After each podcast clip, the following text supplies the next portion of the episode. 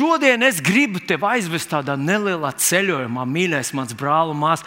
Un iespējams, ka man ir diezgan daudz vārdu, kurus pateikt, bet centīšos to nu, neizplūst, centīšos tā kompaktāk.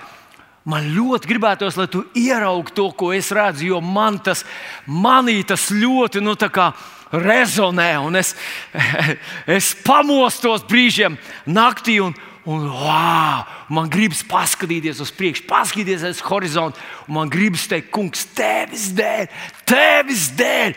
O, oh, jā, tevis dēļ. Un tie ir prominenti divi Jēzus mācekļi, kurus kur piemēru gribu tev parādīt. Mēs lasām par viņiem aprakstu Marka evanģēlijā, desmitajā nodaļā. Un tur ir Jānis un Jēkabs. Jānis un Jēkabs. Bet pirms mēs tur nonākam, gribu izstāstīt tādu nelielu stāstīnu, kas jāuztver mazliet ar smaidu. Un es lūdzu, lai tu nepieraksti to un neuzskati, ka tur viss tās teoloģiskās finanses ir pareizas, jo viņš iespējams ir galīgi nepareizs. Bet to domu, ko, ko viņš saka, man šķiet, ka es, es, tas ir tas, ko īsumā es gribētu tev pateikt. Un tas ir, kāds cilvēks nonāca pie pērļu vārtiem. Un kā mēs visi jau zinām, kas tur stāv pie pērļu vārtiem, ir Pēters. Jā, viņš ir tas, kurš laiž iekšā un ārā. Un tas vīrietis tur nonāk. Un, no, Pēters saka, nu, sveiki, jā, viņš saka, nu, vai es varu tikt iekšā debesīs. Un Pēters saka, jā, jā, viena mirkli, bet formalitātes mums jāizpild. Man jāatrod, kur tad ir ierakstīts, ko tu esi izdarījis tur uz zemes. Nu, tu biji labs pilsonis, un man tajā grāmatā pameklēt Tas vīrs saka, nē, nē, nu kāds no es tur pilsonis. Nu, nu, nu, dzīvoja tā kā priekš sevis. Nu, labi, labi. Tu droši vien biji labs dzīves draugs. Nu, kāds tur dzīves draugs? Arī ģimenē īsti nesanāca. Man tur tā laulība neizdevās. Nu, nu, nekas tur labs nav. Nemeklē tur. Tu biji labs tēvs saviem bērniem, Pēters. Saka. Bērniem, nē, nē, es neesmu tāds bērnu cilvēks. Es tā, nu, es nezinu, kaut ko tur kaut ko viņi tur nu, paši jau auga, ko tu tur es tur neko tur daudz nepalīdzēju viņiem. Nu, bet tu saproti, kā es tevi ielaidīšu debesīs. Tur par kaut ko ielaiž, kaut kas, kaut kas ko tu esi izdarījis. Pēters viņam saka, un tas vīrs padomā, uh, es izglābu vienreiz vienu sievieti. Nu, stāst, Pēters. Nu, redz, vienā dienā es braucu ar mašīnu, skatos, tur tāds, tāds vulgārs izskats, um, Rockers, jā, piesējies kaut kur tur, sieviete, kaut ko viņa tur krata, kaut ko tur uz viņu kliedz. Un tā es mm, apstājos, aizgāju un saku viņam, ej, liec to sievieti mierā. Eņģels saka, un ko viņš, Pēters saka, ko viņš? Viņš neliekas, nezinu, pagrūda man malā un turpina to visu. Ko tu? Nu, es skatos, tur stāv viņa motociklis, piegāja pie tā motocikla un apgāza to motociklu. Ko viņš? Nu, tad viņš lika to sievieti mierā un pievērsās man. Pēters saka, nu, kad tas bija? No pirms 15 minūtēm.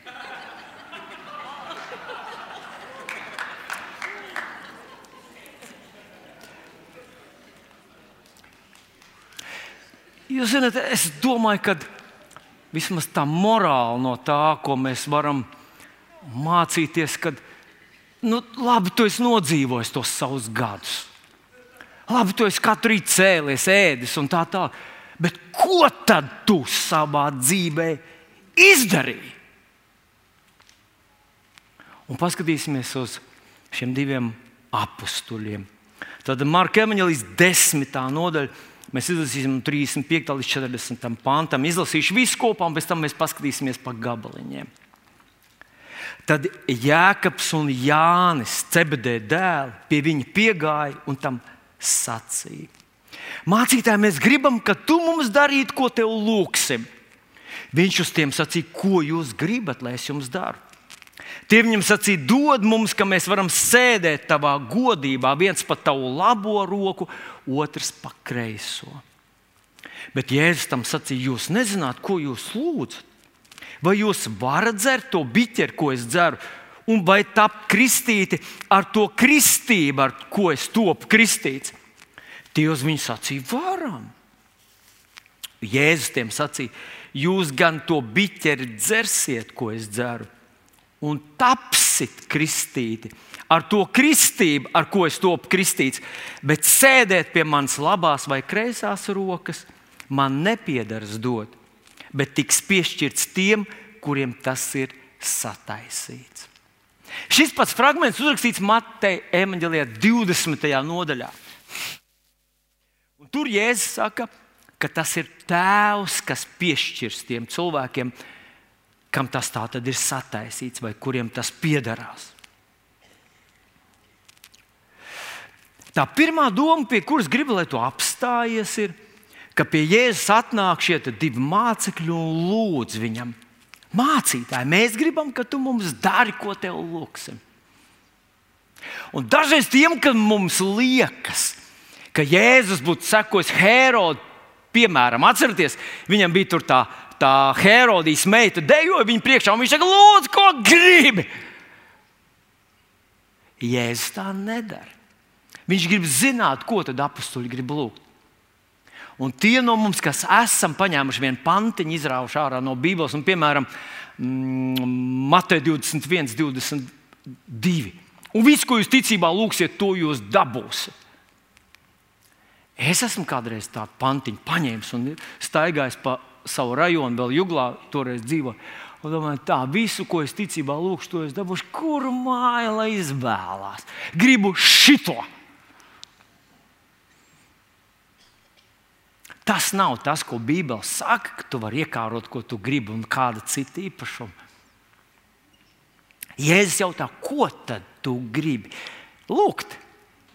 Un tad viņi saka, dodi mums, ka varam sēdēt tavā godībā, viens pa tavu labo roku, otrs pa kreiso roku.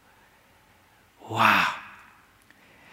Mēs gribam sēdēt uz troņiem, tev pa labo roku un kreiso. Vai tā ir, vai tā ir tāda nu, normāla lūkšana? Mēs saprotam, ka Jēzus šobrīd staigā pa zemes virsmu kopā ar saviem mācekļiem. Viņš, viņš ir cilvēks, simtprocentīgs cilvēks. Viņš ir kopā ar tādiem pašiem cilvēkiem. Viņš dzīvo laikmetā, kad nav interneta, nav limuzīna, nav viesnīcu. Nu, vismaz tādus, kā mēs esam pieraduši šodien viesnīcas, kurās tu ieej, kur viss ir, viss ir, nu, viss ir vismaz trijās zvaigznēs un tā tālāk. Viņš dzīvo ļoti sarežģītā laikā no visām šīm, no šiem aspektiem. Bet viņi saka, mēs gribam sēdēt uz troņa ar tevi. Un, zinot, ko es, es tā pie sevis iedomājos, Nu, ja mēs aizbrauktu šodien uz Ziemeļkoreju un mēs parunātos ar cilvēkiem, paskatītos, kā viņi dzīvo, tad mums liktos, ka nu, normāli cilvēki no šīs dzīves neko negaida. Te nekā nav. Viņi redzēja, kā nodzīvo viņa vecāki, viņa vecais tēvs, tēvs nodzīvoja, un jaunieši saprot, ka viņu liktenis ir tāds pats. Labi, ja viņi ir pēduši. Tas ir lielākais, uz ko viņi var cerēt. Un nav sagūstīti, nav ielikt cietumā, nav kaut, kaut kādos spaidu darbos. Un tad viņi sapņo par kaut kādu, nu, par nākošo dzīvi, par mūžību. Un tad būs saprotams. Vai varbūt cilvēki, kas Ķīnā varbūt dzīvo arī zem tā totalitārā režīma un arī dzīvo līdzīgās situācijās, nu mēs esam šeit iesprostot. Tas laikam nemainīsies. Mums atliek cerēt, ka vienā dienā šis viss beigsies un tas sāksies kaut kas labāks. Bet šie divi puiši nav tādi. Viņu tēvs ir cebedējs. Viņš neko īpaši nav izcēlies Bībelē. Vienīgais, par ko mēs uzzinām, tad, kad Jēzus aicina Jānu un Jēkabu, ka viņš atnāk pie cebedēja, kur cebedēja tēvs kopā ar saviem dēliem un saviem kalpiem lāpa tīklus. Un Jēzus paaicina šos divus dēlus. Un viņi atstāja, viņi atstāja tur tēvu ar viņa tīkliem, ar viņa uzņēmumu, ar viņa biznesu un dodas līdz Jēzum. Manuprāt, tajā dienā tāds nopietns pavērsiens bija šā tēva cebedeja biznesā, kad divi dēli aizgāja no viņa, aizgāja līdz ar Jēzu. Mēs uzzinām vēl, ka viņa māte sauc Salome. Un mēs uzzinām, ka saloma ir blakus visos tajos svarīgajos gadījumos. Tad, kad Jēzu apglabā, viņa ir blakus, viņa ir pie krusta, kad tur nav neviena mācekļa. Saloma tur ir. Viņa ir tā, kas arī nopērk visas tās uh, uh, zāles, tās dārgās, svaidāmās zāles kopā ar Mariju Magdalēnu un Mariju. Un viņi tātad iebalzamē Jēzus ķermeni. Tātad Marija, um, piedodiet, Salome, Jāņa un Jēkabā māte piedalās tajā. Viņi ir viena no tām, kas atbalsta Jēzus kalpošanu, un Jānis un Jēkabs ir viņa apstuļi. Viņi vēl nav īsti pasludināti par apstuļiem, bet viņi jau mācekļu sastāvā ir. Tad viņi dodas. Ko es ar to gribu teikt? Es ar to gribu teikt, ka tam vajadzēja būt ļoti veiksmīgam uh, zvejniecības biznesam, ja tēvs varēja nolīgt kalpus un neprotestē pret to, ka dēls aizgāja uh, ar Jēzu un palīdzēja šo kalpošanu uzturēt. Tātad viņi nebija izmisumā, nebija nabagi, viņi nebija izsalkuši. Jēzus nebija viņa cerību uz pilnu vēdru un siltu guļvietu. Tas bija kaut kas cits, kas viņus pamudināja doties viņam līdzi. Kāpēc viņi runā par troņiem? Vēl jau vairāk, mīļais draugs, padomā. Iesai grāmatā 53. nodaļā mēs lasām, kā viņu redzēja viņa līdzcilvēka, viņa laika biedri. Tur rakstīts tā, viņš tā kunga kalps uzauga necīgi pūļu priekšā kā atvase, kā saknes atzarojums izkoltušā zemē. Viņā nebija nekāda izskata, ne, nekāda skaistuma, lai mēs to ar lapu tik uzlūkot. Tur nebija nekā ārēji redzama, lai mēs viņā būtu atraduši ko patīkamu. Tieši otrādi. Viņš bija tā nicināts. Labākie ļaudis no viņa baidījās. Vīrs, kas, kam nebija svešas sāpes, tā norūdīts ciešanās Un esmu pārliecināts, ka šeit neiet runa vēl par viņa krusta nāvi. Vienkārši par to atmosfēru, kurā viņš kalpoja, kurā viņš staigāja, kad viņš saskārās ar vadošo, ietekmīgo, prominento cilvēku atraidījumu, nicinājumu, dusmām un naidu. Liela daļa varbūt nekā nesaskatīja Jēzu kaut ko īpašu. Bet šie divi mācekļi saskatīja viņā kaut ko varenu.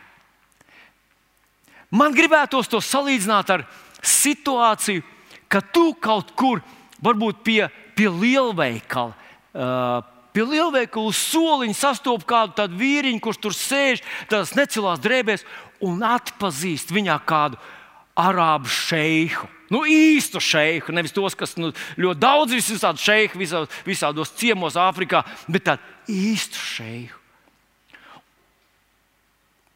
Un tad tu saproti, ka viņš nav šeit tāpēc, ka atkarības, vai tāpēc, ka viņam kaut kas nu, pietrūk, vai viņš slinks, vai kaut kas dumšs, vai vēl kaut kas.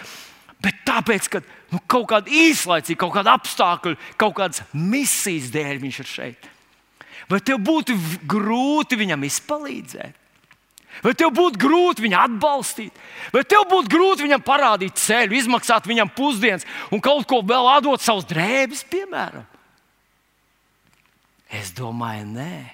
Tev būtu tāda milzīga cieņa un godība pret šo ietekmīgo, nozīmīgo, vareno cilvēku, kurš kaut kādu iemeslu dēļ atrodas tev blakus. Tu teiksi, ka tā ir tavs dzīves lielā iespēja un kaut ko tādu kaut ko tādu saredz tajā visā Jānis un Jēkabs. Viņi runā par nākamajiem laikmetiem, par nākamajiem laikiem, kad Jēzus vairs nebūs tur tāds nicināts, un noniemāts un neievērots, kad viņš būs savā tronī. Mēs gribam būt tev blakus. Wow! Man manī tas izraisa tādu milzīgu, es nezinu, tādas simpātijas. Tāpēc, ka, ka tas ir kaut kāds cilvēks, kurš redz pāri, tie ir cilvēki, kas skatās pāri horizontam, uz priekšu tālumā. Un Jēzus viņus nekaunina. Īstenībā viņi nav pirmie, kas tā dara. Paklausieties, ko mēs lasām par mūzu. Ebreju vēstulītē 11. nodaļā mēs lasām 24. un 26. pāns. Mūzus liels uzaudzis liedzās saukties par faraona meitas dēlu. Tas bija augstākais, uz ko viņš gribēja, varēja kļūt, pretendēt. Tas bija tajā laika pasaulē, tā laika pasaulē, tas bija augstākais tituls. Bet Mozus liedzās saukties par faraona meitas dēlu, labāk gribēdams kopā ar dieva tautu ciest ļaunumu, nekā īsu laiku baudīt grēcīgu laimi. Par lielāku bagātību turēdams Kristus negodu nekā Eģiptes mantas, jo viņš raudzījās uz atmaksu.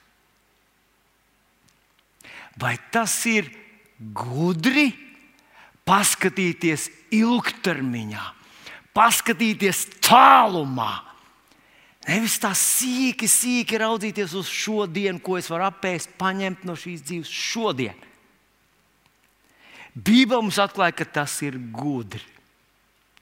Bībele mums atklāja, ka ka tā ir īstenībā tā, tikai cilvēks var saglabāt tos fokusus. Tikai tā cilvēks var saglabāt to dzīves perspektīvu un atcerēties, ka cilvēks nav kaķis, kurš dzīvo tikai līdz savai nāves dienai. Cilvēks ir mūžīga būtne. Un šis īsais dzīves, fiziskais dzīves laiks, viņam ir milzīga ietekme uz visu to neizmērojamu garo neizmērojamo laika posmu, kas tam sekos. Nu, paklausieties, kā apelsīns Pāvils to raksta 1. vēstulē, korintiešiem 15. nodaļā, 19. pantā. Ja mēs tikai šī dzīvē vien ceram uz Kristu, tad esam visnožēlojamākie cilvēki. Tā 11. tā 15. nodaļa, piedodiet, ir nodaļa, kurā viņš tiek galā ar augšām celšanos. Viņš runā par augšām celšanos. Un tad viņš nonāk līdz tam argumentam, tādam nu, no otras puses. Viņš saka, ja Kristus nav augšām cēlies, ja Kristus nav augšām cēlies, tad nav augšām celšanās, tad nav dzīves pēc nāves. Viņš nonāk līdz tam, ka tad arī mēs esam grēkos. Tad mēs necelsimies augšā. Viņš saka, tad mēs esam pievilti. Ne tikai mēs esam pievilti, mēs pieviļam visus citus, kuriem mēs stāstām, kuriem liecinām, kurus aicinām pie Kristus. Mēs piemānām viņus.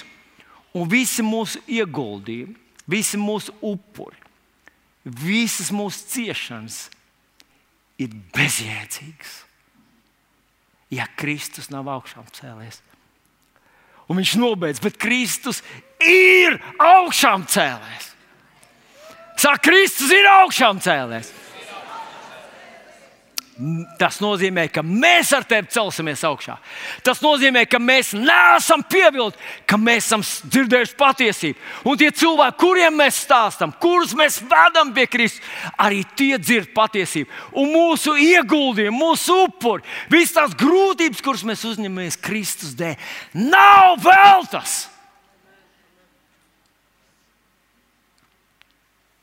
Halleluja! Es gribētu dzirdēt tavu āmeni. Amen.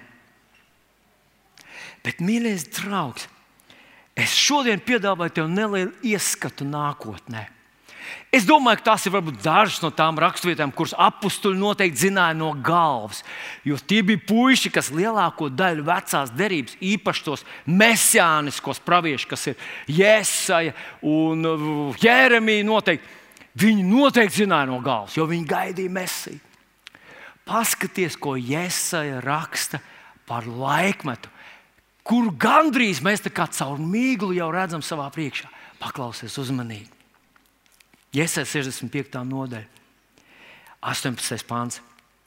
Bet priecājieties un līksmojiet vienmēr par to, ko es radu.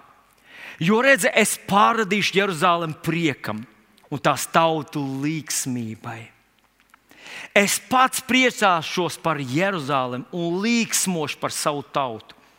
Tur vairs nedzirdēs raudāšanu, ne sāpju kliedzienus. Un šodien mēs vēl dzirdam to sāpju kliedzienus. Te burtiski ir runa par Izraēlu un Jeruzalem, bet vienā dienā tas beigsies.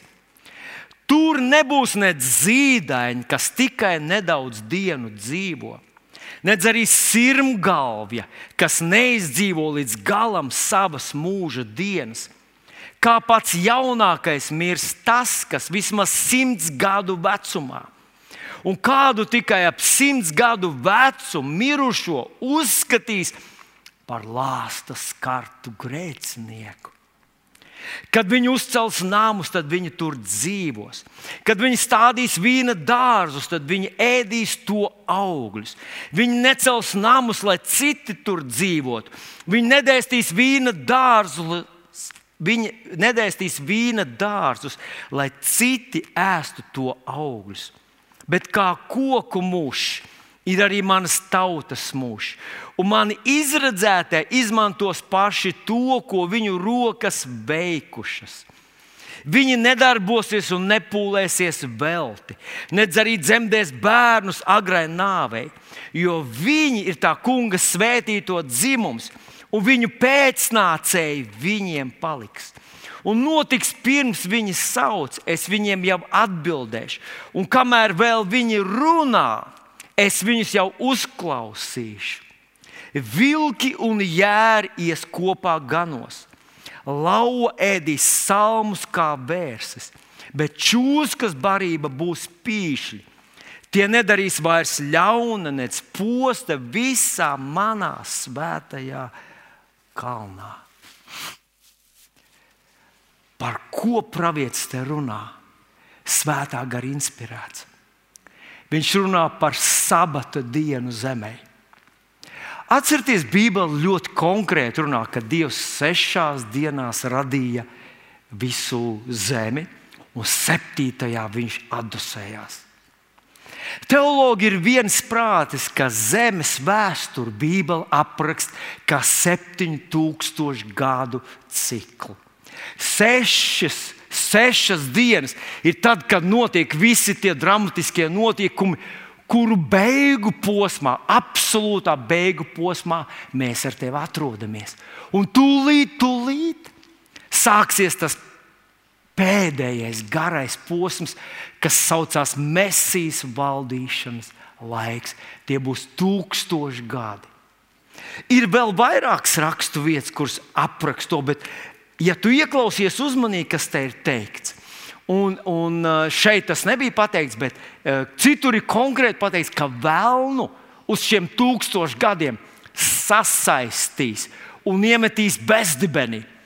Tūkstots gadu piedzīvos šī zeme bez tā, ka vēlns radīs intrigas, naidu, melus Bez tā, ka vēlns un visi viņa dēmoni, kara pulki čakarē cilvēkiem dzīves, čakarē ģimenes, čakarē visu pasauli, izraisa kārības un naidus un, un vis visādas nedēlības. Tas viss būs paņemts no tūkstošu gadu. Zeme atzels. Tur rakstīts, ka vairs nebūs tā asins izliešana starp dzīvniekiem, tur vairs nebūs totāls karš tas iznomierināsies. Starp cilvēkiem nebūs kara. Cilvēki dzīvos bezgalīgi garus dzīves.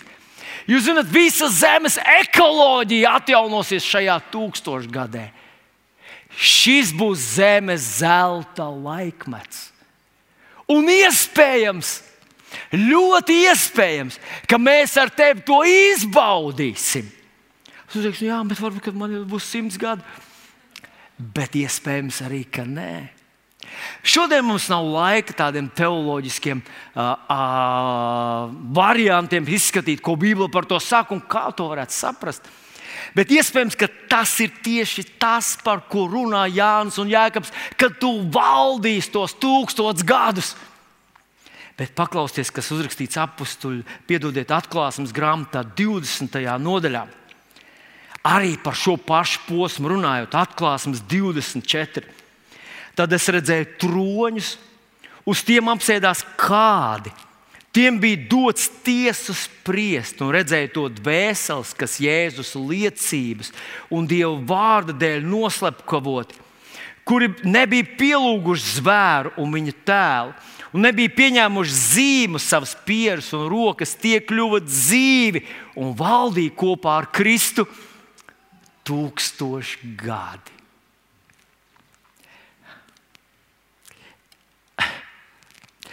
Iespējams, ka tu neievēroji, kad mēs iesākām šo pāntu lasīt. Tur bija rakstīts, un nolikt, tika nolikti troņi, tajos apsēdās kādi. Ja tur būtu runa par dieva troni, viņš absolūti atšķirtos no visiem citiem. Ja tur būtu runa par mesijas troni, viņš absolūti atšķirtos no visiem tiem kādiem troņiem. Bet viņš te runā par Jānu un Jēkabu, es ticu kas apsēdīsies tajos troņos un valdīs.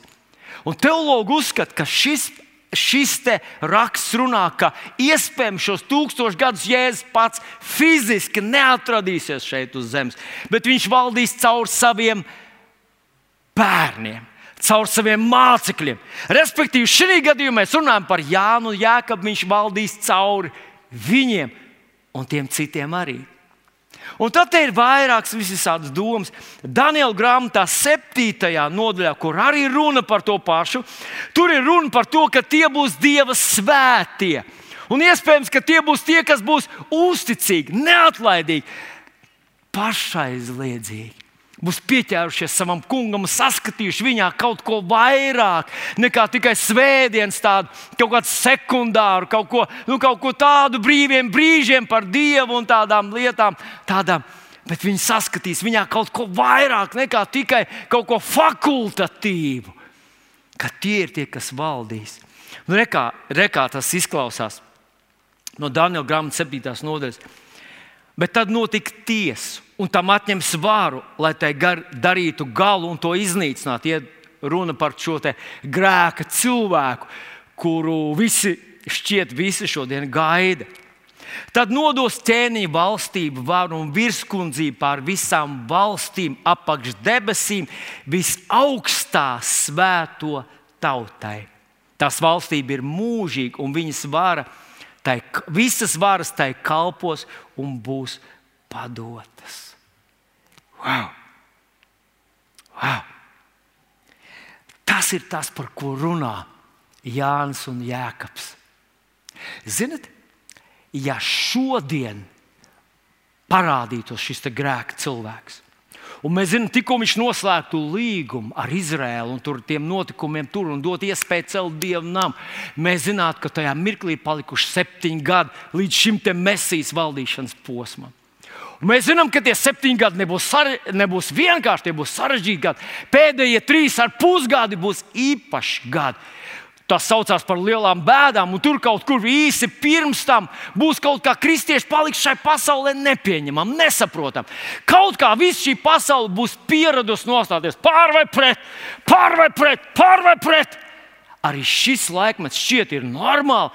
Šķiet ir normāli, ka visi labs gribas cilvēki, visi normāli domājoši cilvēki ieņem kādu konkrētu pozīciju. Un jūs saprotat, ka mēs arī to darām. Rekur mums stāv Ukraiņas karoks. Mēs esam pret nevainīgu cilvēku nogalināšanu. Vienalga, kas vada tos cilvēkus Maskavā, tas nav Dieva pirksts. Un mēs esam pret to. Bet kaut kur, ta, kaut kur tajā laikā kaut kā tas iegrozīsies tā, ka atnāks cilvēks, prasmīgs slēgt visus visādus līgumus. Viņš samierinās pasauli un kaut kā viņš prasīs nostādīt tā, ka kristieši atrodas tajā nepievilcīgajā pusē. Un viss būs pieraduši, to esi par vai pret, par vai pret, par vai pret. Un tad mums būs jāpasaka, kur tu esi. Jānis un Jēkabs gaidīja šo dienu. Kā tu vilni to vari teikt? Rekur Jēzus saka, paklausies, jūs nezināt, ko jūs lūdzat. Jūs nezināt, ko jūs lūdzat. Un tad viņš jautā tālāk, vai jūs varat dzert to biķeri, ko es dzeru, vai tapt kristīt ar to kristību, ar ko es topu kristīts. Viņi zināja, par ko ir runa. Tā nav ūdens kristība. Tā ir Tā ir bauda, ka tev krist ūdenī. Viņi zināja, ka tas ir atraidījums, ciešanas, tās ir grūtības. Redziet, cilvēku, kur Dieva acīs un Dieva priekšā visvairāk cienīti un godāti, sastopās ar pilnīgi pretēju attieksmi šajā pasaulē. Tie, kurus Dievs godā, ir šīs laikmeta un šīs pasaules noniecināti. Man patīk šo pušu atbildi. Viņi saka, 39. marka 10, 39. Mēs varam. Jūs varat piedzīvot šīs grūtības, jūs tiešām esat gatavi sajust tās ciešanas un to atraidījumu, un to, ka cilvēki jums neticēs, jūs apvainos, jūs tiešām esat gatavi iziet līdz pašām beigām, līdz nāvei. Jānis un Jēkabs saka, jā.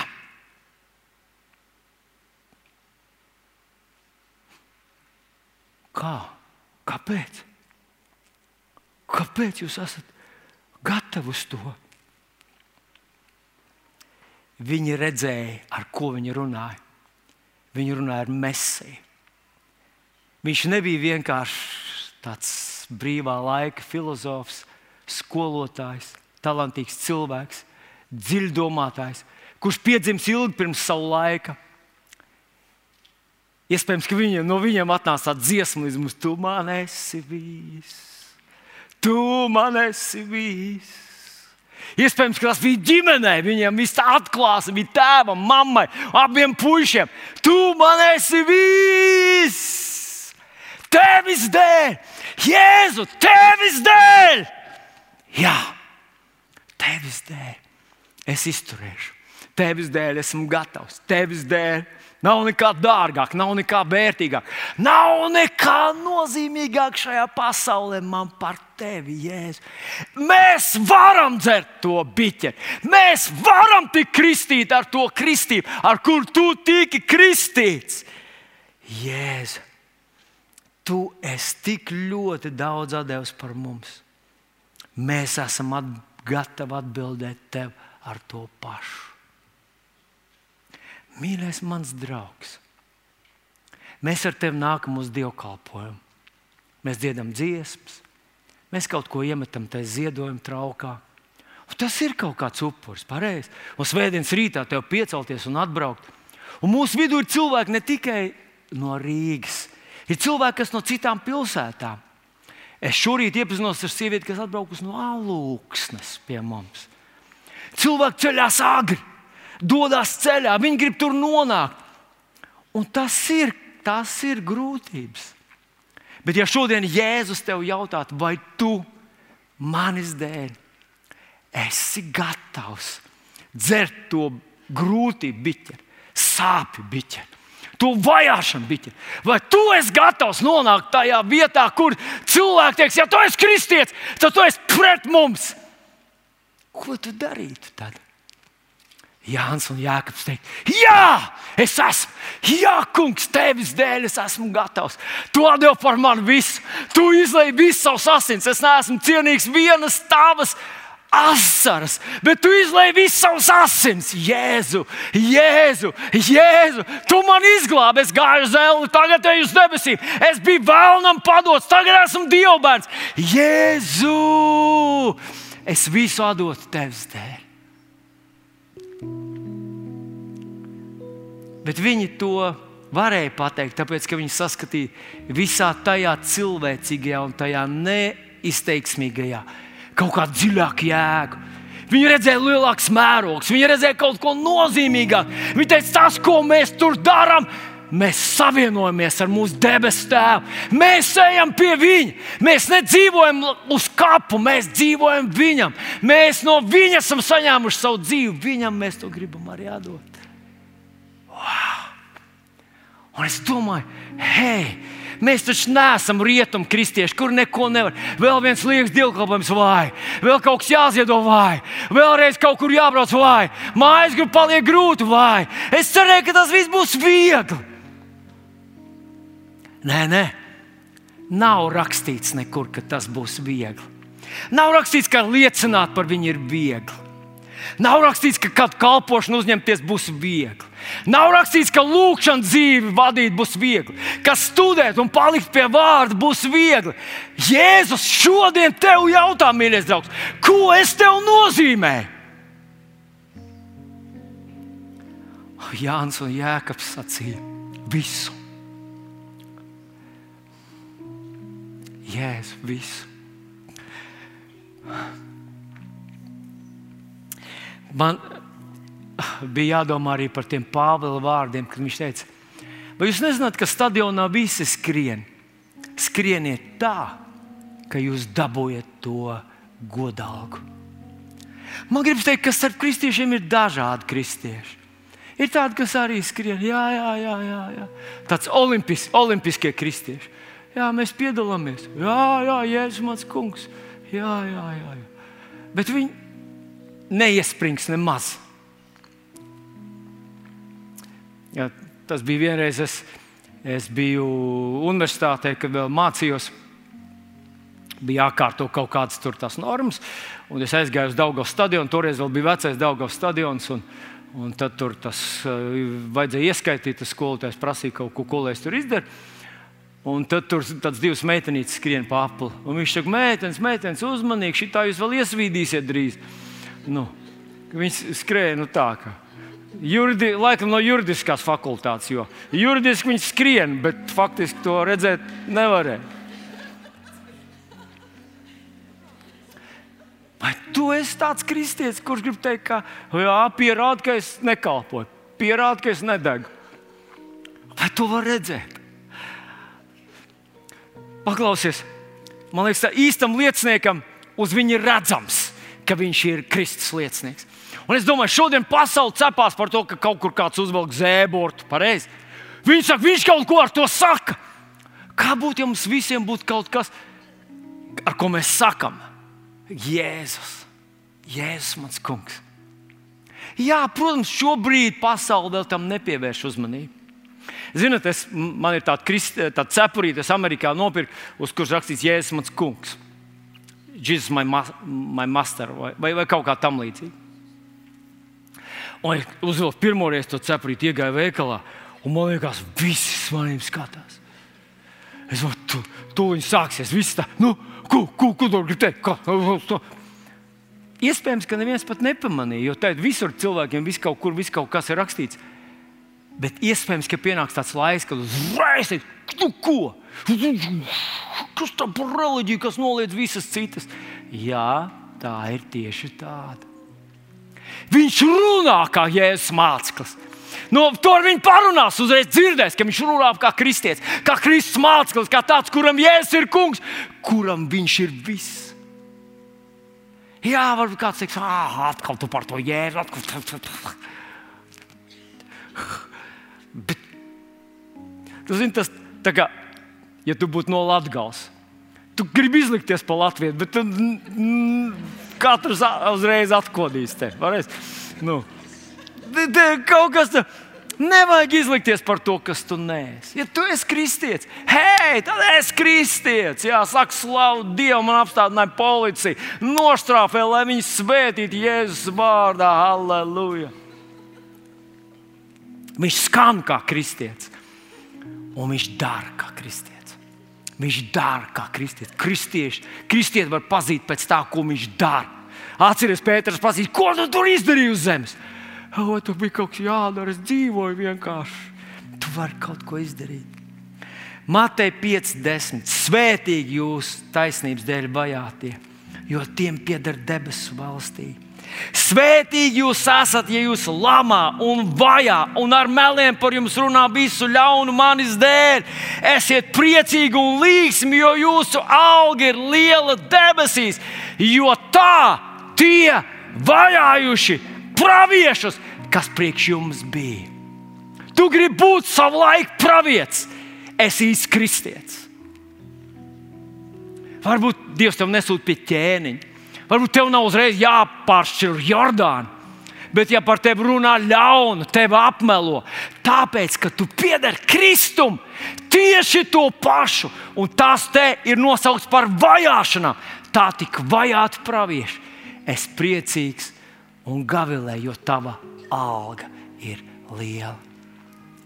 Un es šodien te uzmundrinu, mans mīļais brāl, māsa, paskatīties pāri horizontam. Paskatīties tālāk nekā tikai rītdiena, nekā tikai šī gada beigas, nekā tikai vasara, nekā tikai nākošā vasara, aiznākošā vasara. Tavi gadi! Tu taču zini, ka gadi skrien, tu viņus nevari paspēt saskaitīt, jo labāki gadi, jo ātrāk viņi joņo. Un tikai tie, kas ir smagi un drūmi gadi, tie pēkšņi sāk vilkties. Paskaties pāri saviem gadiem, paskaties uz atmaksas dienu, paskaties uz dienu, kad tu sastapsies ar savu kungu. Un viņš teiks, tu esi tas vilnis, tu esi tas ojārs, tu esi tas jūris, tu esi tā Ilze un Anna, un tu esi tā līga. Tajā reizē es piecēlos, ka tu man apliecināji. Nesakautrējies, neapvainojies, nesarūktinājies, nepagriez muguru. Tu paliki ar to mīlestības sirdi un dalies ar tiem cilvēkiem. Manis dēļ! Tu viņam atbildēsi, Kungs, tevis dēļ. Biju gatavs uz visu.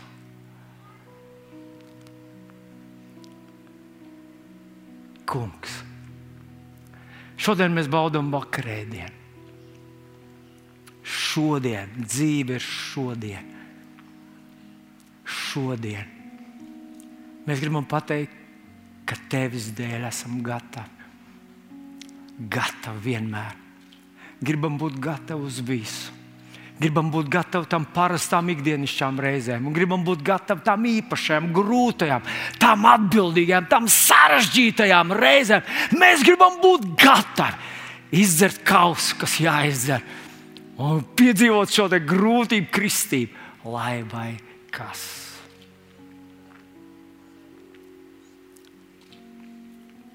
Es lasīju tādu rakstīnu šajā nedēļā par Ukrajinu.